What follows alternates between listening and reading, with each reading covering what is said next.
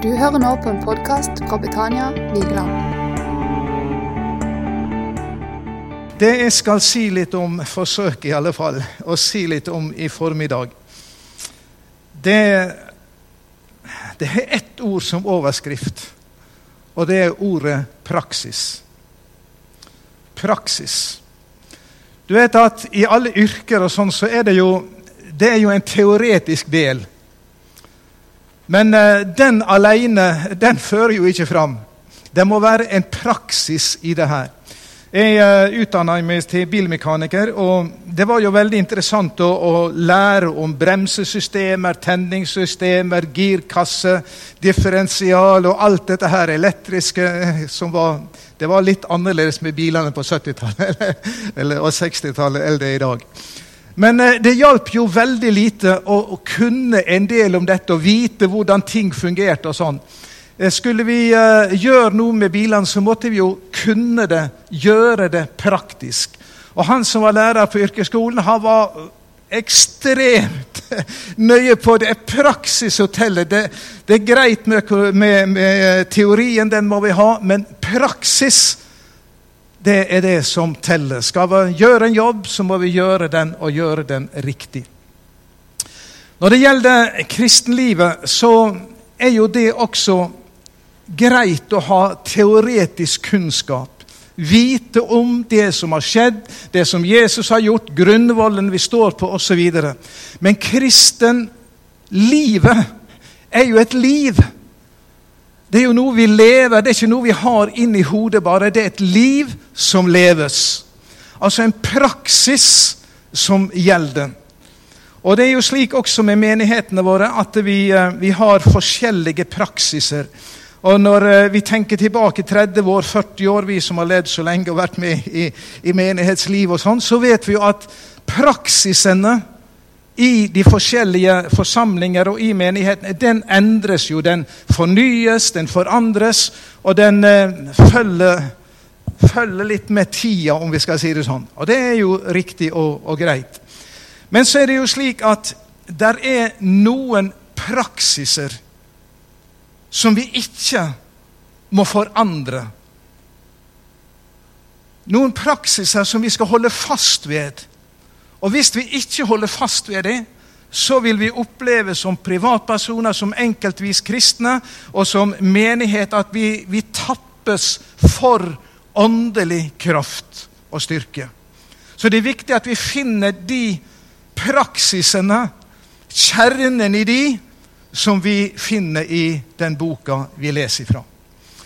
Og nå skal vi, vi skal konsentrere oss om menigheten i Filippi. Eh, vi skal se litt på hvordan den ble til, og hvordan eh, Paulus tolv år etter at han besøkte Filippi første gangen, skrev et brev fra fangenskapet i Rom, og hva han skrev om der. Og Vi skal berøre noen praksiser. Og vi skal berøre noen mennesker som fikk oppleve det de sang om her. De ble satt fri fra sine lenker og sine bånd. Vi skal prøve å skynde med jeg må jo bare slutte når vi skal slutte. skal prøve å få med det jeg har tenkt. Men i, uh, i Apostelens gjerninger, kapittel 16, så leser vi Jeg skal lese, jeg skal bare referere derifra, men det er kapittel 16 i apostelgjerningene. Så møter vi Paulus. Han er ute på den andre misjonsreisa si. Så kommer han uh, et stykke på vei, og han uh, kommer etter hvert til Mysia, til Troas, og så får han et syn om natta. Han ser en makedonier som sier 'Kom over og hjelp oss'. Og Straks så forsøkte han å reise videre, og, og omsider så kom de til Filippi. Det første stedet han evangeliserte i Europa når det gjelder Paulus sin misjonsreise. Så kom han til Filippi, og så leser vi hvordan han eh, med sitt følge hadde jo med seg flere og så oppsøkte de et bedested som var nede ved elva i Filippi. Og Der finner han en eh, kvinne, blant andre. De var samla der til bønn. Og De var altså noen eh, som søkte Gud uten at de hadde, hadde fått kjennskapet om Jesus. så går Paulus og, og, følger ned til det bedestedet. Og så begynner Paulus å forkynne evangeliet om Jesus Kristus. Og så står det så utrolig fint. Det, det står om ei kvinne som eh, var fra Tyatira, som heter Lydia. og Hun handla med purpurtøy. Og Purpurtøyet var jo en, en veldig dyr handelsvare. Så hun tilhørte eh, hva skal vi si, den øverste sjiktet i det sosiale rangstigen. Hun var velstående, hun handla med dyre ting. Og hun eh, hadde hus som hun kunne, kunne invitere gjester i osv. Og, og Paulus og de, de ble jo invitert til dette huset. Men så står det om Lydia. Når Paulus forkynte evangeliet om Jesus, så opplot Herren hennes hjerte. Og så tok hun imot frelsen i Jesus Kristus. Så du ser at frelsen den er for de høyt oppe på rangstigen også. Alle trenger frelse, og Lydia eh, med sin, eh, sin velstand og alt det her, så fikk hun åpne sitt hjerte for Jesus. Og så opplevde hun en praksis som Paulus hadde. For det står når hun hadde tatt imot evangeliet om Jesus og blitt frelst, så ble hun døpt med alle sine.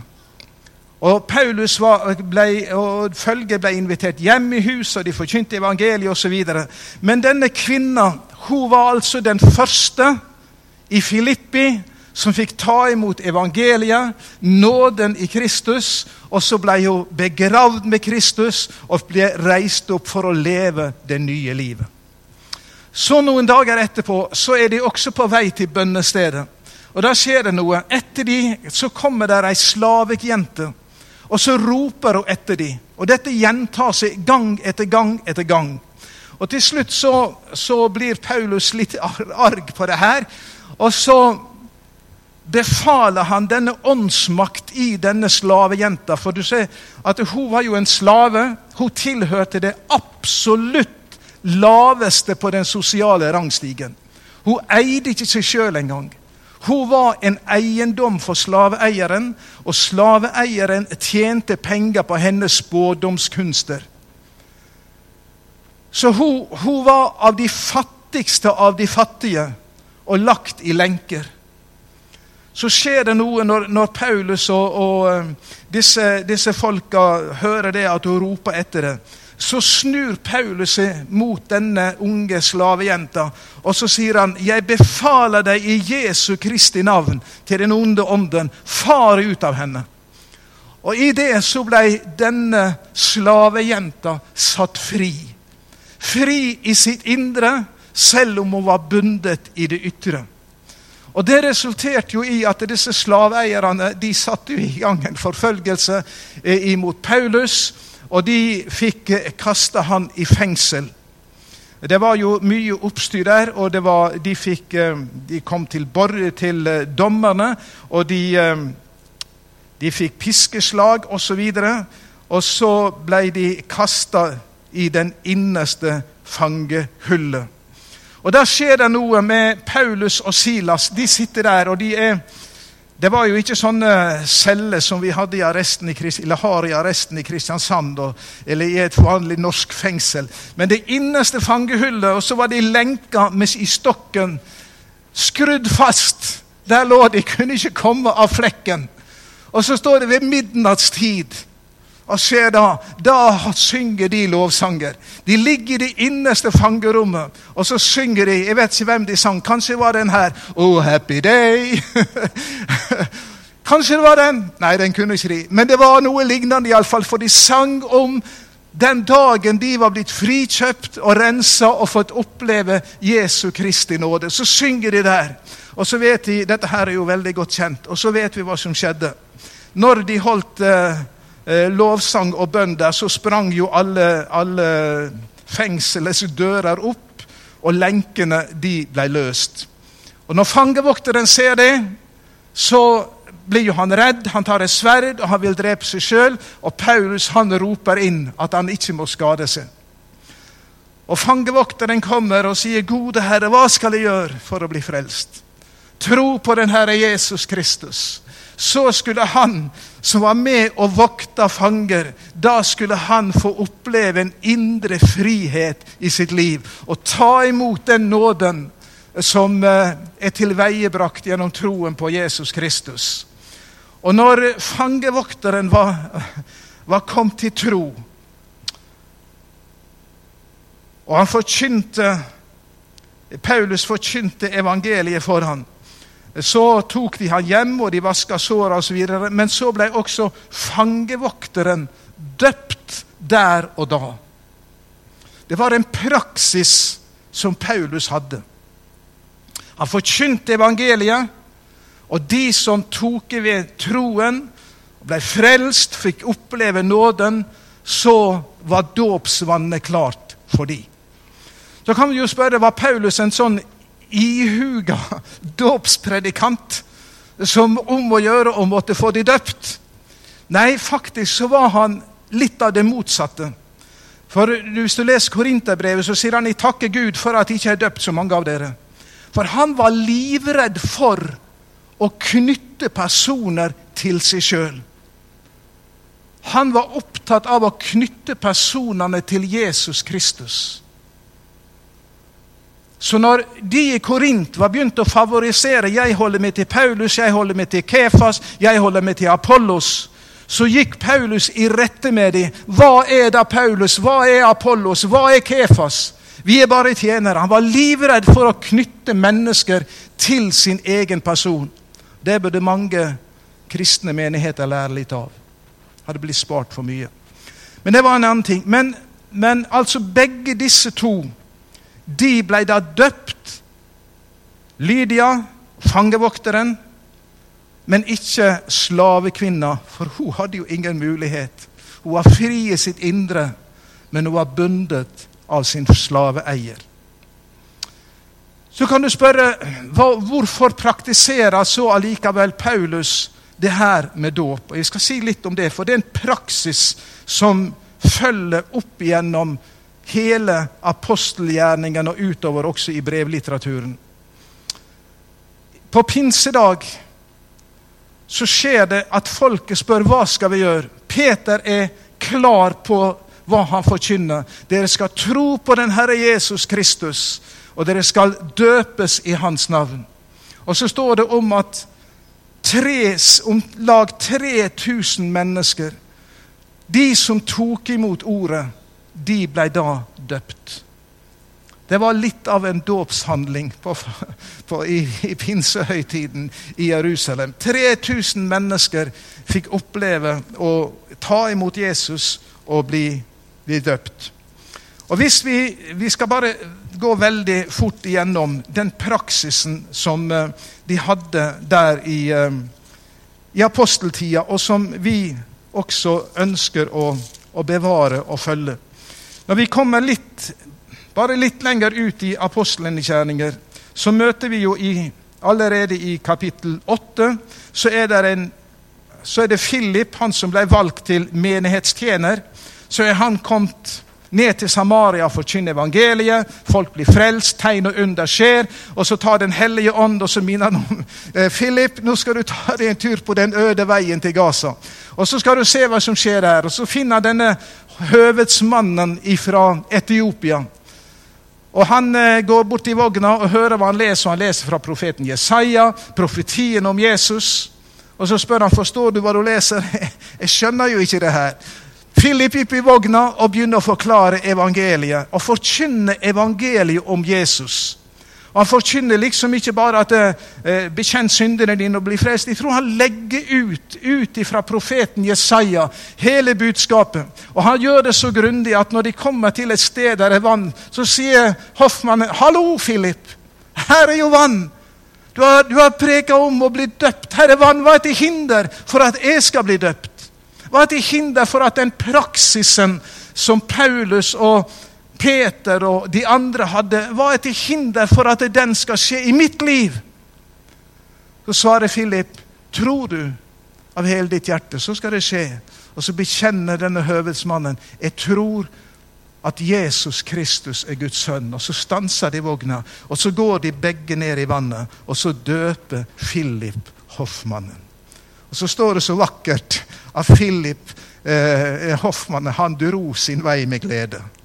Du ser, lyde og tro, det er hvile og ro. Om hans kraft du vil kjenne, så kan du lyde og tro. Når Paulus, som vi leser om i apostelgjerningene kapittel 9, er på vei til Damaskus for å forfølge Guds menighet, han får dette veldige synet 'Jeg er Jesus, han som du forfølger'. Og Så vet vi at Paulus ble slått med blindhet. Han kommer inn til Damaskus. Så er det en mann, troende mann, Ananias, som har med Gud å gjøre. Og du ser De som har med Gud å gjøre, kan, de kan få mange forskjellige oppdrag som kan synes litt underlige. Og Ananias han får i oppdrag av Herren du skal gå. Og så skal du legge dine hender på denne Saulus fra Tarsus. Og så sier Herren til ham For du skjønner det, Ananias, nå ber han. Nå ber han. Det står i nynorskoversettelsen så står det slik Nå ber han. nå. Han har bedt mange lange bønner, denne fariseeren Saulus, men nå bad han ut ifra sitt hjerte. Og Så protesterer jo Ananias. Men omsider så går han, han legger sine hender på han, ber for han, han blir helbreda for, for synet som han har mista, og Guds ånd faller over han, han får Den hellige ånd, og han står opp der og da og blir døpt til Jesus Kristus, som han hadde forfulgt. Det var en praksis som også Ananias fulgte. Vi, kunne, vi skal ta ett eksempel til. Det er Peter. Og Peter han var jo en av de ledende apostlene. ikke sant? En dag er han oppe på taket og han ber, og han får et syn. Det kommer ned en duk fra himmelen med ureine dyr, og røsten fra himmelen sier 'stå på et'. Altså ureine etter loven. Og Peter, som den nidkjære mannen han er, og den grundige mannen han er, han sier aldri i livet om jeg skal gjøre, spise noe ureint. Han vil ikke skitne seg til. Han ville leve helt og rent. Så sier Herren til han, det, som Gud har rensa, det skal ikke du holdes for urent. Så kommer det rett etterpå noen ifra Cesarea og ber han bli med til Cesarea.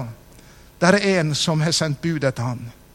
Og så kommer Paulus til denne mannen i Cesarea, Kornelius. Det er kapittel 10 i apostelgjerningene, om du vil titte på det. Så når han kommer der, og han begynner å forkynne evangeliet om Jesus Jesus fra Nasaret ble salvet av Gud med Den hellige ånd og kraft. Han gikk omkring overalt og gjorde vel og helbredet alle som var underkuet av djevelen, for Gud var med ham. Det er noe av det som, som eh, Peter forkynte der i Kornelius. Så skjer det noe. Der sitter en flokk med mennesker og hører evangeliet forkynt. Og mens de sitter der og hører, og de åpner sine hjerter Altså, Peter rakk ikke å ha frelsesinnbydelse engang. Og det er jo herlig når det er vekkelsesmøte og du ikke kommer til, til innbydelsen engang før folket begynner å bli frelst. Og så faller Guds ånd over dem. Det falt over de som hørte ordet. De troende av jødisk ett som var kommet der sammen med Peter, de ble jo forskrekka. Dette var jo hedningefolk. Det var jo ikke jødene. Det var jo hedningefolk. Og de fikk Den hellige ånd. Og disse her fra eh, jødene som var kommet, de tenkte jo at Den hellige ånd det er bare for oss. Det er, jo, det er jo vi Gud har utvalgt. Det er jo vi som er Guds folk. Så Gud kan jo ikke øse ut sin hellige ånd over, over hedningefolkene.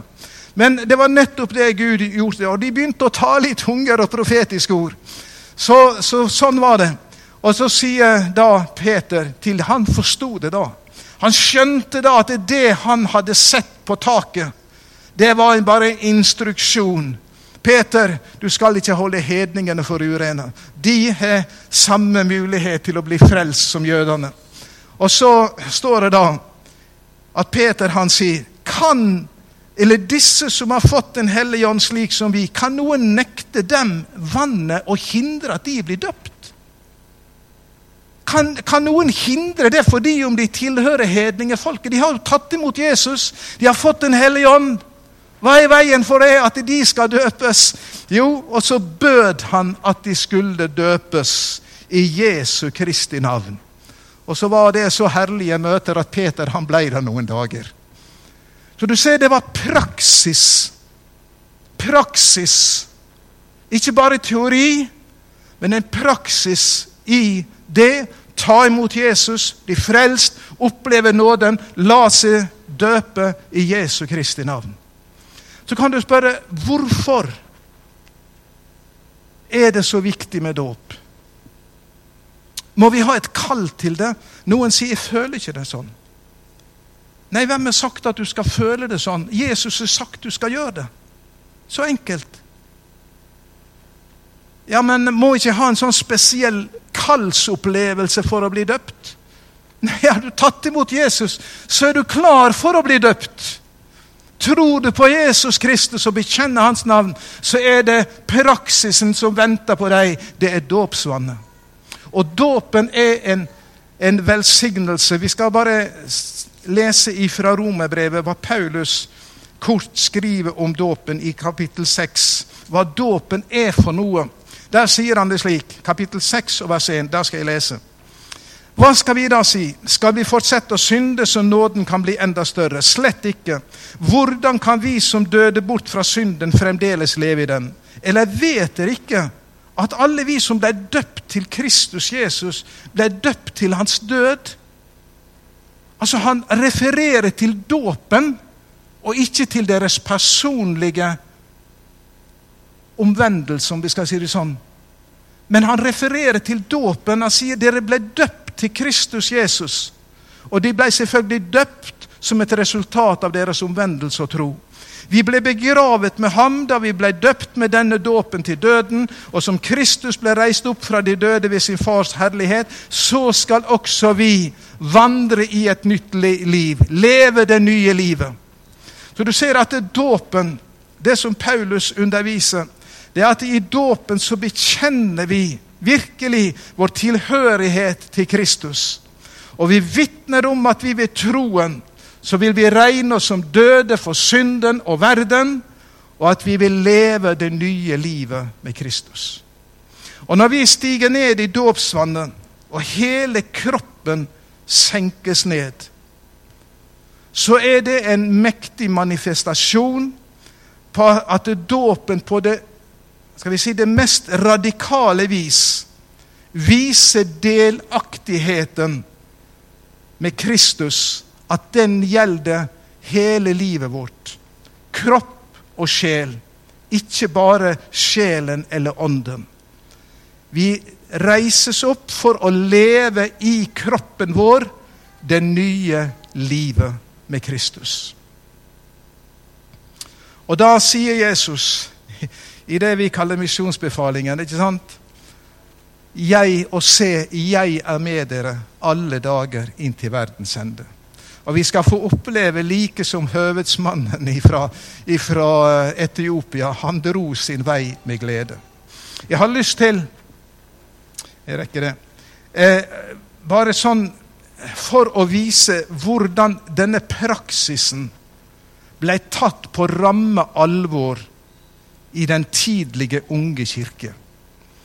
Hvis vi tar en liten tur til Milano i slutten på 300-tallet Sentrumskirken i Milano var ganske gedigen. Den romma 3000 mennesker. Det var et dåpskapell som også var, var bygd inntil. Et åttekanta stort dåpsbasseng med rennende vann. Det rant en kanal inn, og det rant vann ut. Og Det var fordi det skulle være levende, en symbol på det levende vannet. Når de hadde de store dåpsgudstjenestene eh, Forstanderen i denne kirka i Milano, Ambrosius, var en av de, de store forkynnerne på den tid. Og Når eh, den dåpsgudstjenesten eh, åpner, så stiger Ambrosius fram og så roper han på arameisk det ordet som Jesus brukte en gang Efata, som betyr 'late opp'. Jesus brukte det når han helbreda denne døvstumme mannen. Og Så ropte han dette som et tegn på en bønn om at de skulle, de skulle åpne sine hjerter for Guds ånd og for Guds ord når de kom til kirken. Så var det dåpshandlingen, og da var det jo en Jeg sier ikke vi skal følge deres praksis når det gjaldt omstendighetene omkring dåpshandlingen, men selve dåpen skal vi følge. Det var jo slik at de, de ble døpt, kvinner og menn, på hver sin gudstjeneste fordi de ble døpt nakne. Og det symboliserte egentlig Naken kom vi til verden, ikke sant? Og nakne kommer vi til Gud. Vi har ingenting å kjøpe med. Nåden er fri. Sant? Et vakkert symbol, egentlig, selv om det, det virker litt fremmed for oss. da. Så ble dåpskandidatene salva med olje.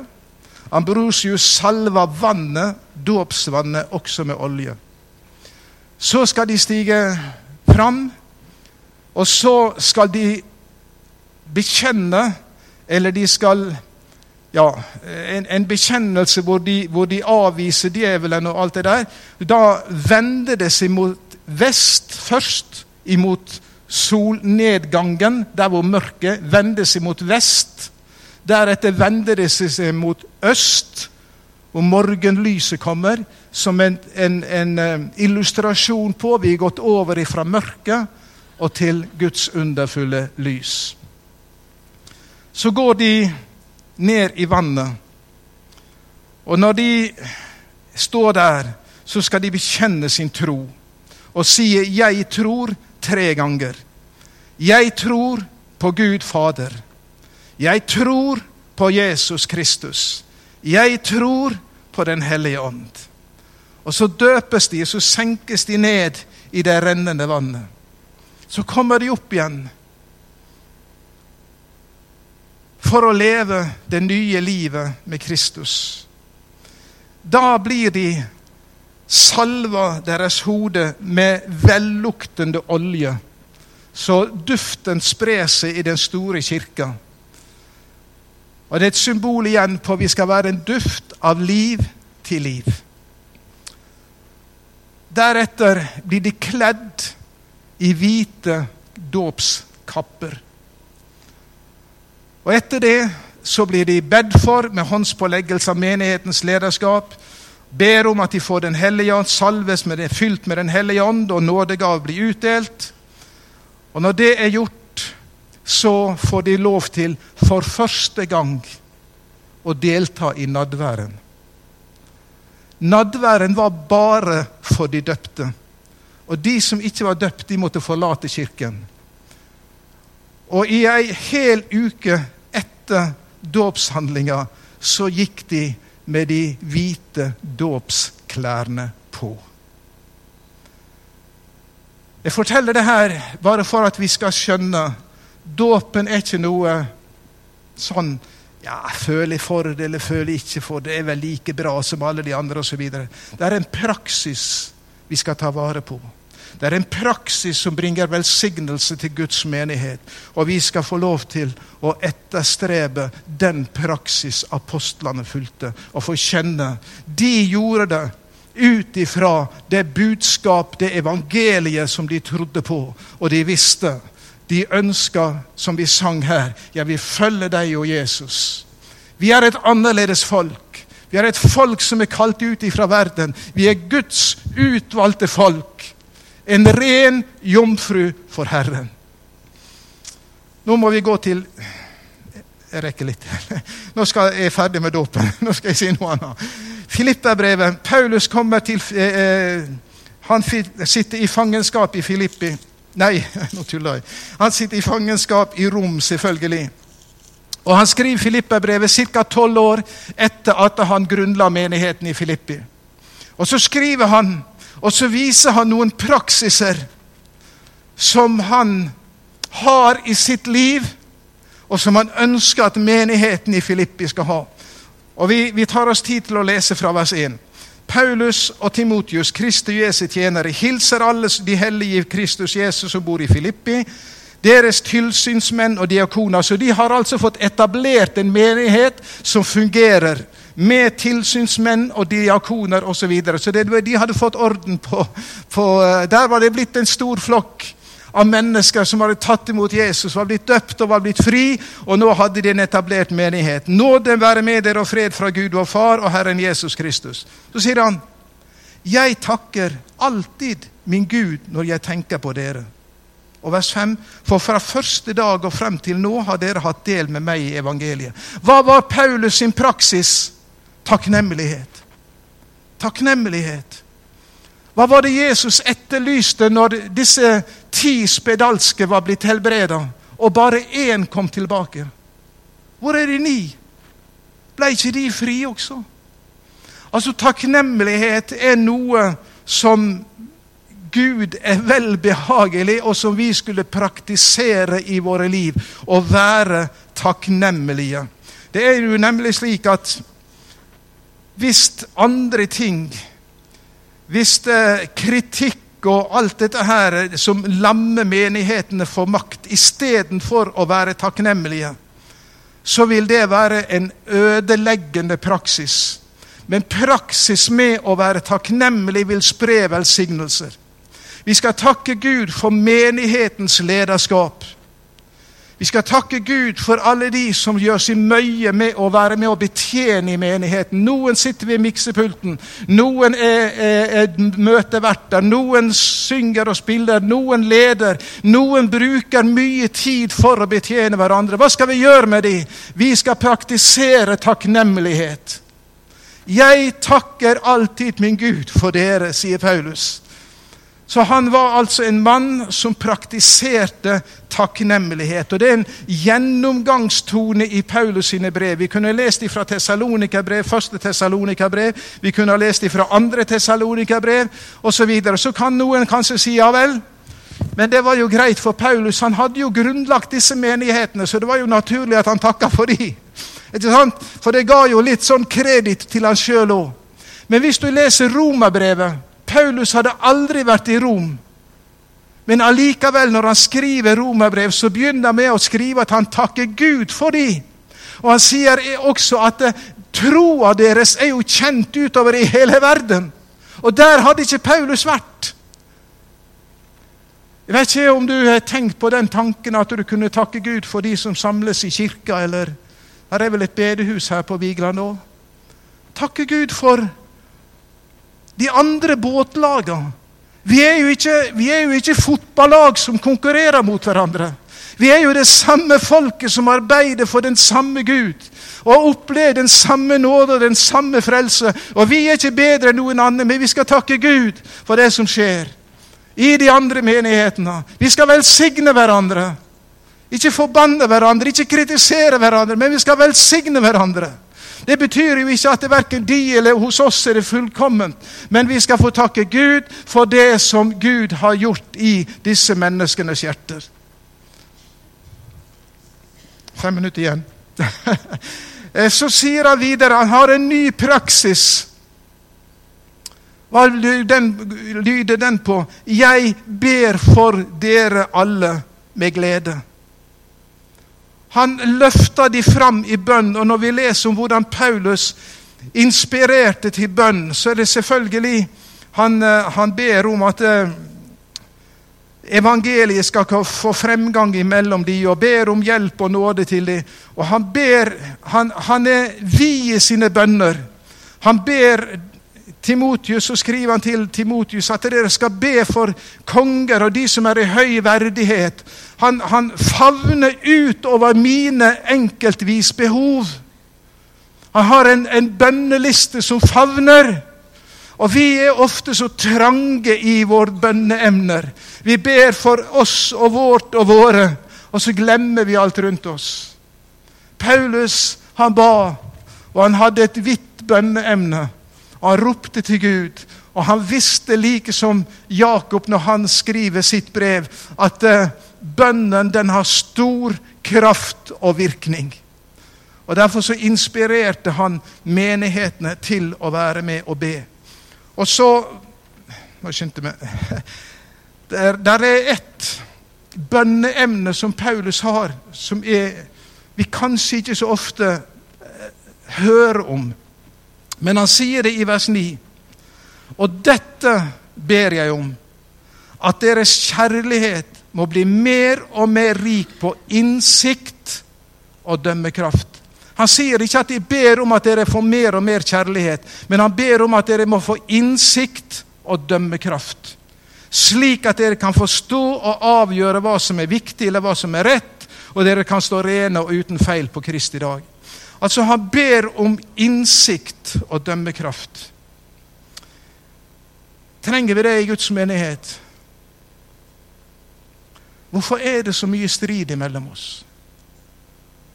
Hvorfor er det så mye krangel. Og for eh, KS, for dere som holder det, så skriver de om en, en pastor i Sverige som har fulltidsjobb med å reise rundt og, og megle i menigheter. Hvorfor er det sånn? Kanskje vi skulle be litt mer om innsikt og dømmekraft. Og Paulus han, er, han kjenner jo bibelhistorien. Nå skal jeg fare fort. Dere husker eh, Josef ble ført til Egypt. Omsider kom hele søskenflokken og familien og alt sammen, og de ble der i Egypt. Og Jakob, Josef far, han blir gammel, og han vet at nå skal han snart dø. Han er 147 år når han dør. Så sender de bud på Josef at nå dør faren din snart. Så tar Josef og reiser til faren han har med seg to sønner. Han har med Manasseh, som er førstefødte. Han har med Efraim, som er nummer to. Så reiser de opp, og gamle Jakob reiser seg opp, sitter seg opp i senga. Og Der skjer mye, men jeg skal bare ta med det lille her. Før han skal dø, så sier Jakob, 'Nå har jeg til og med fått sett sønnene dine.' Så går Josef, tar han man, der sitter, Se for deg nå, der sitter gamle Jakob på sengen med stokken sin. Han ser dårlig, og han er skrøpelig. Så kommer Josef med de to guttene.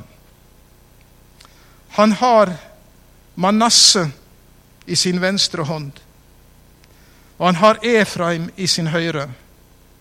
For da kommer Manasseh på Jakobs høyre hånd, ikke sant? Når de kommer der tradisjon, skikk og bruk, alt sammen tilsier at Jakob skal legge den største velsignelsen på den førstefødte. Tradisjon, mening, alt sammen. Det var sånn. Så sitter Jakob der, den gamle Jakob, men han har med Gud å gjøre. Han følger ikke tradisjonen. Han følger ikke det som Josef tenkte, det som det skulle være. Så krysser han hendene. Og så legger han sin høyre hånd på Efraims hode og sin venstre på Manasseh. Og Josef han, han reagerer. Det er ikke sånn Det er ikke sånn det skal være. Det er ikke riktig, det. Du, du må legge din høyre hånd på Manasse sin hode. Han er jo eldst. Han skal få høyrehåndens velsignelse. Han skal få mest. Så sier Jakob, 'Jeg vet, jeg vet, jeg vet'. Men nå er det slik hva Herren har bestemt.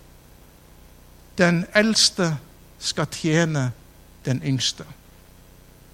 Den yngste skal, eller den eldste skal bli et stort folk. Men Efraim Efraim er den største. Sånn ville Herren det. Samuel en tid etterpå Skal vi slutte med det? Samuel sørger over Saul, som har forspilt sin kongeverdighet. Gud kommer til Samuel og sier, 'Hvor lenge skal du sørge over han som jeg har forkasta?' Gå til Isais sønn. En av sønnene skal de salve til konge. Samuel går. Isai stiller fram hele rekka med sønner. Og når eh, Samuel ser Eliab den eldste, så tenker han sannelig nå står jeg foran Herren salvede. Stor, kraftig, pen mann. Og sier Herren, Samuel, du tar feil. Det er ikke sånn. Det er ikke han. Og ikke nummer to, og ikke nummer tre, og ikke nummer fire, og ikke nummer fem, og ikke nummer seks. Er det her alle Nei. Den yngste han er ute og gjeter småfe. Kom an! Kom, hent han! Og hva skjer når David kommer? Da sier Herren til Samuel, han er det. Det er han. Du ser, vi trenger innsikt og dømmekraft. Vi tenker så menneskelig mange ganger. Han må jo ha evne, hun må jo ha evne, hun må jo det, han må jo det. Det er jo klart, det. Istedenfor å be Herre gi oss innsikt og dømmekraft, så vi kan tenke dine tanker, så vi kan få tak i hvordan du vil gjøre det.